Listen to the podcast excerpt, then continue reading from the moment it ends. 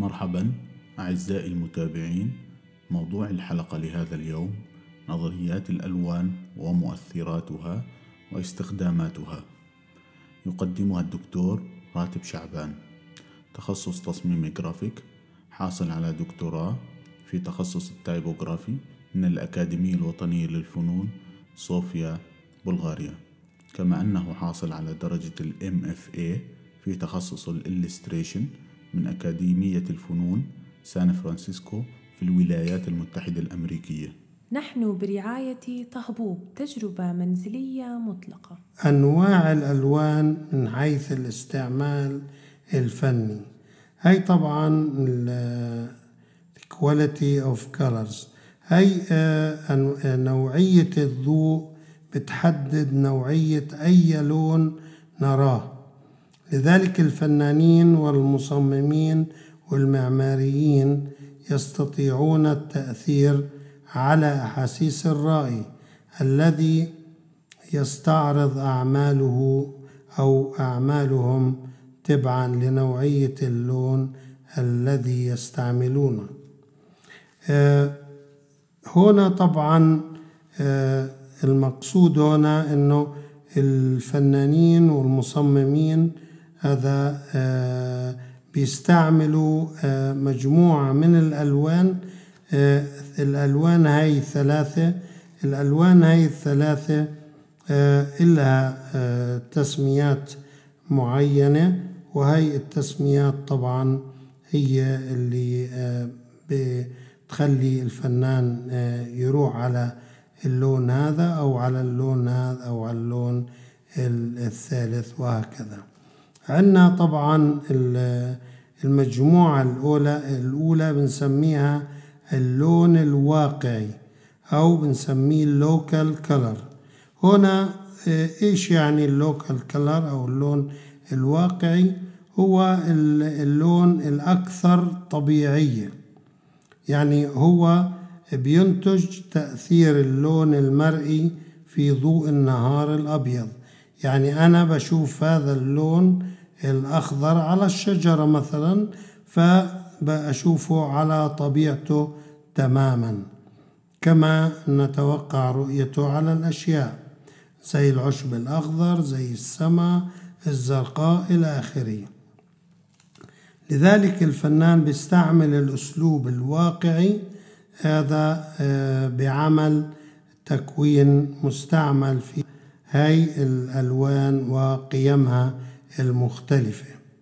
آه، إذا آه، الفنان لما يستعمل اللون كما هو في الواقع كما يسقط من الشعاع تبع الشمس أو من الضوء الصناعي هذا يسمى اللون الواقعي أو ال local color النوع الثاني اللي هو ال optical color أو اللون البصري. طبعا هذا النوع من الألوان ينتج ألوانا آه، يعني آه، صفاتها آه، بنسميها إحنا الهيو. نرى في أحوال غير ضوء النهار الأبيض. يعني هذا النوع من الألوان ما بنشوفه في أحوال الطبيعية.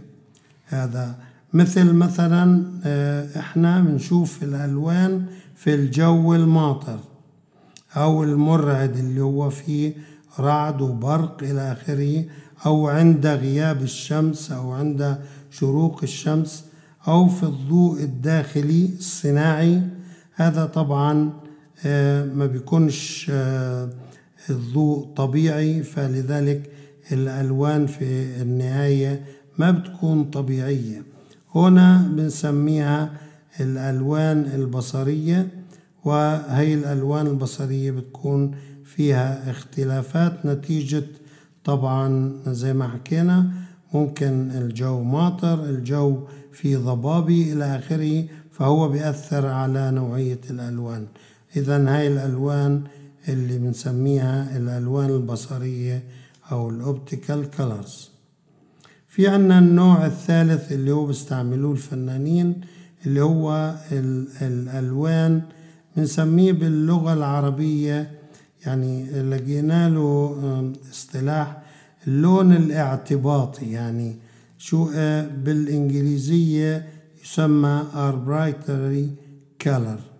يعني إحنا بن بن- ننتقي هذا اللون أو الفنان بينتقي هذا اللون اعتباطيا يعني مش آه، ما في هناك قاعدة آه، أولى أو ثانية زي اللي تكلمنا عنهم أو ما فيش قاعدة معينة آه، ينتقي على أساسها هذا اللون. هذا الفنان بينتقي حسب إحساسه وتأويله للون وعلى ال- الأشكال يعني بالطريقة اللي بشوفها مناسبة. هذا النوع من استعمال الألوان آه، يرى في فن القرن العشرين مثل الأساليب التعبيرية والوحشية إلى آخره.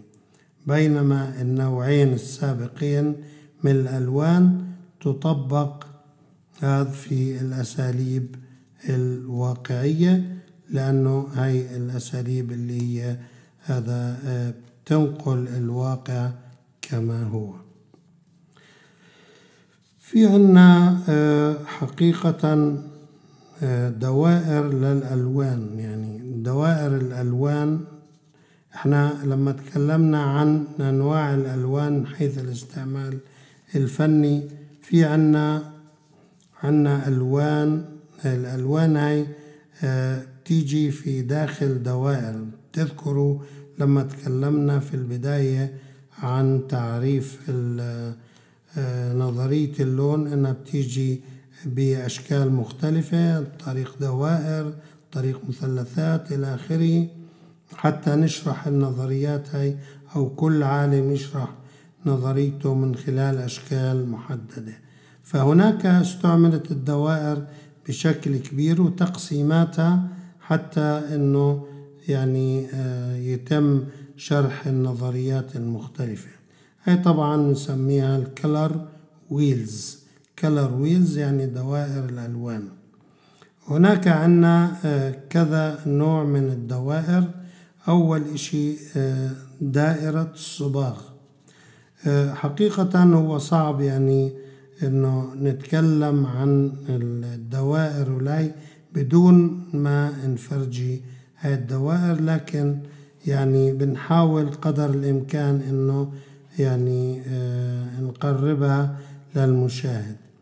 هي الدائرة تبعت الصباغ أو البيجمنت ويل. هي اللي هو الألوان الواقعية اللي إحنا بنستعملها آه، في التصميم أو في التصوير إلى آخره. هي الألوان سواء كان زيتية سواء كان مائية. سواء كان أكريليك إلى آخره. فالدائرة تبعت الصباغ لما بنقسمها بنلاحظ إنه في عند في هناك ثلاث ألوان أساسية والثلاث ألوان أساسية بتعطينا في النهاية 12 ستيبس يعني آه، 12 تقسيم للدائرة. الدائرة بتكون مقسمة ب 12 تقسيم. لكن بكون عندنا ثلاثة أساسيات اللي هو الأصفر والأزرق والأحمر. هاي الألوان الأساسية. في هاي الدائرة الثانية اللي هي دائرة المعالجة اللي هو البروسيس ويل هاي برضو نفس الشيء ثلاث ألوان أساسية وإلها 12 تقسيم. لكن طبعا دائرة الصباغ بتختلف عن دائرة المعالجة في إنه آه، بعض الألوان بتختلف زي مثلا الأزرق والأحمر ما بيكونوا هما نفسهم.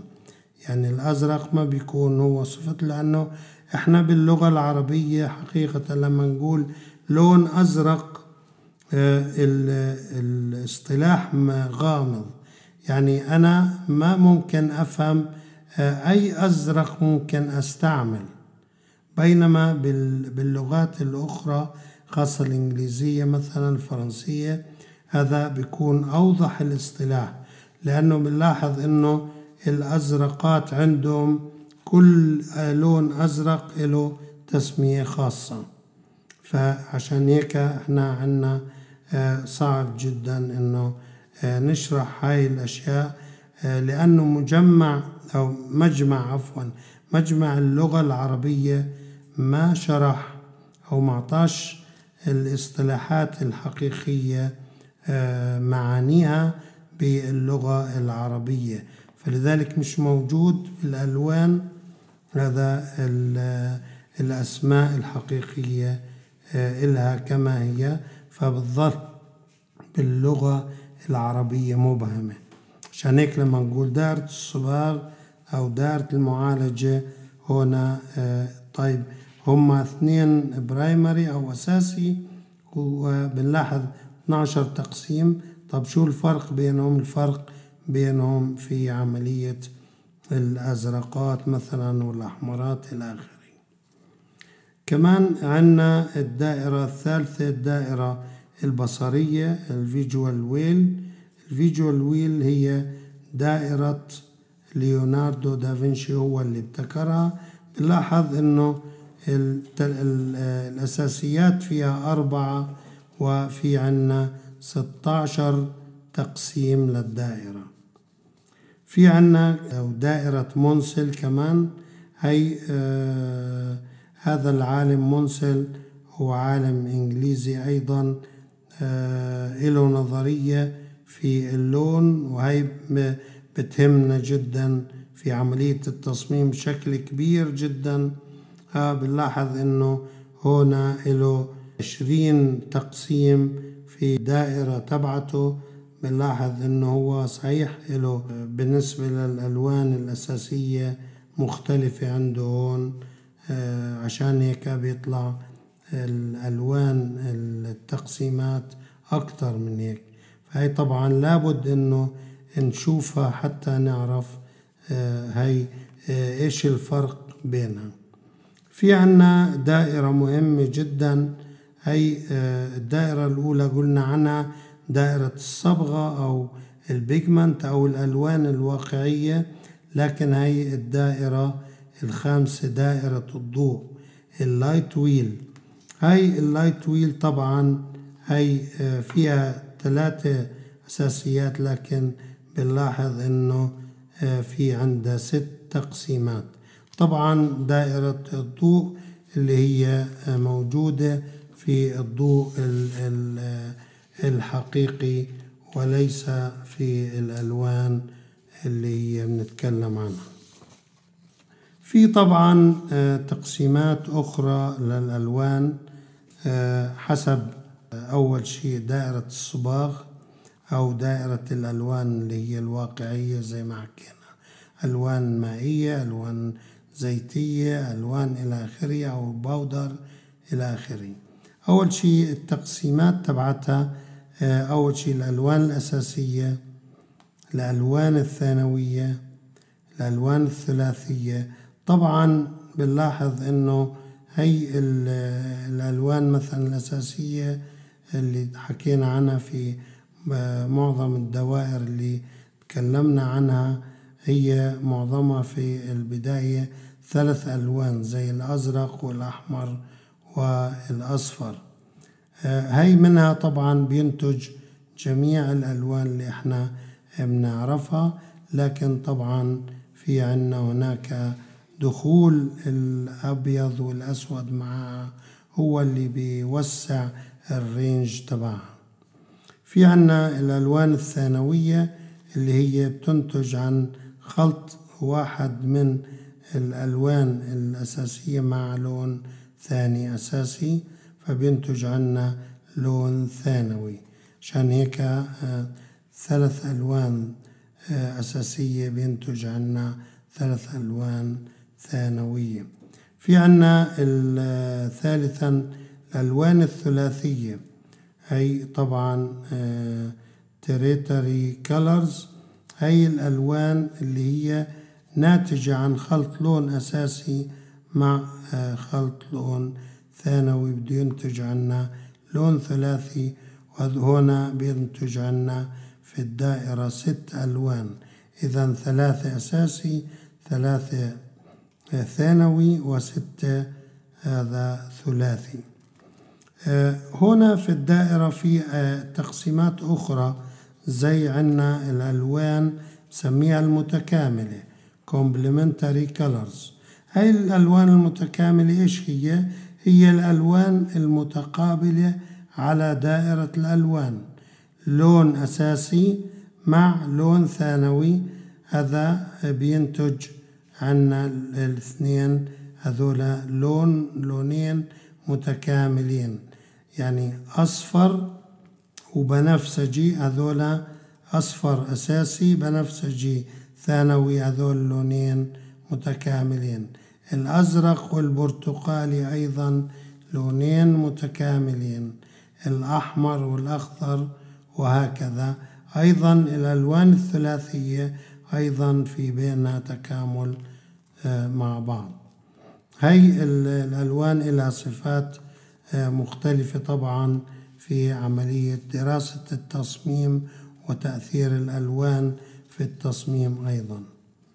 عندنا التقسيم الخامس اللي هو الألوان الحارة اللي هو مسمية الورم كولرز مثل الأصفر والأحمر والبرتقالي والبرتقالي الأصفر والبرتقالي الأحمر. هاي نسميها ألوان حارة.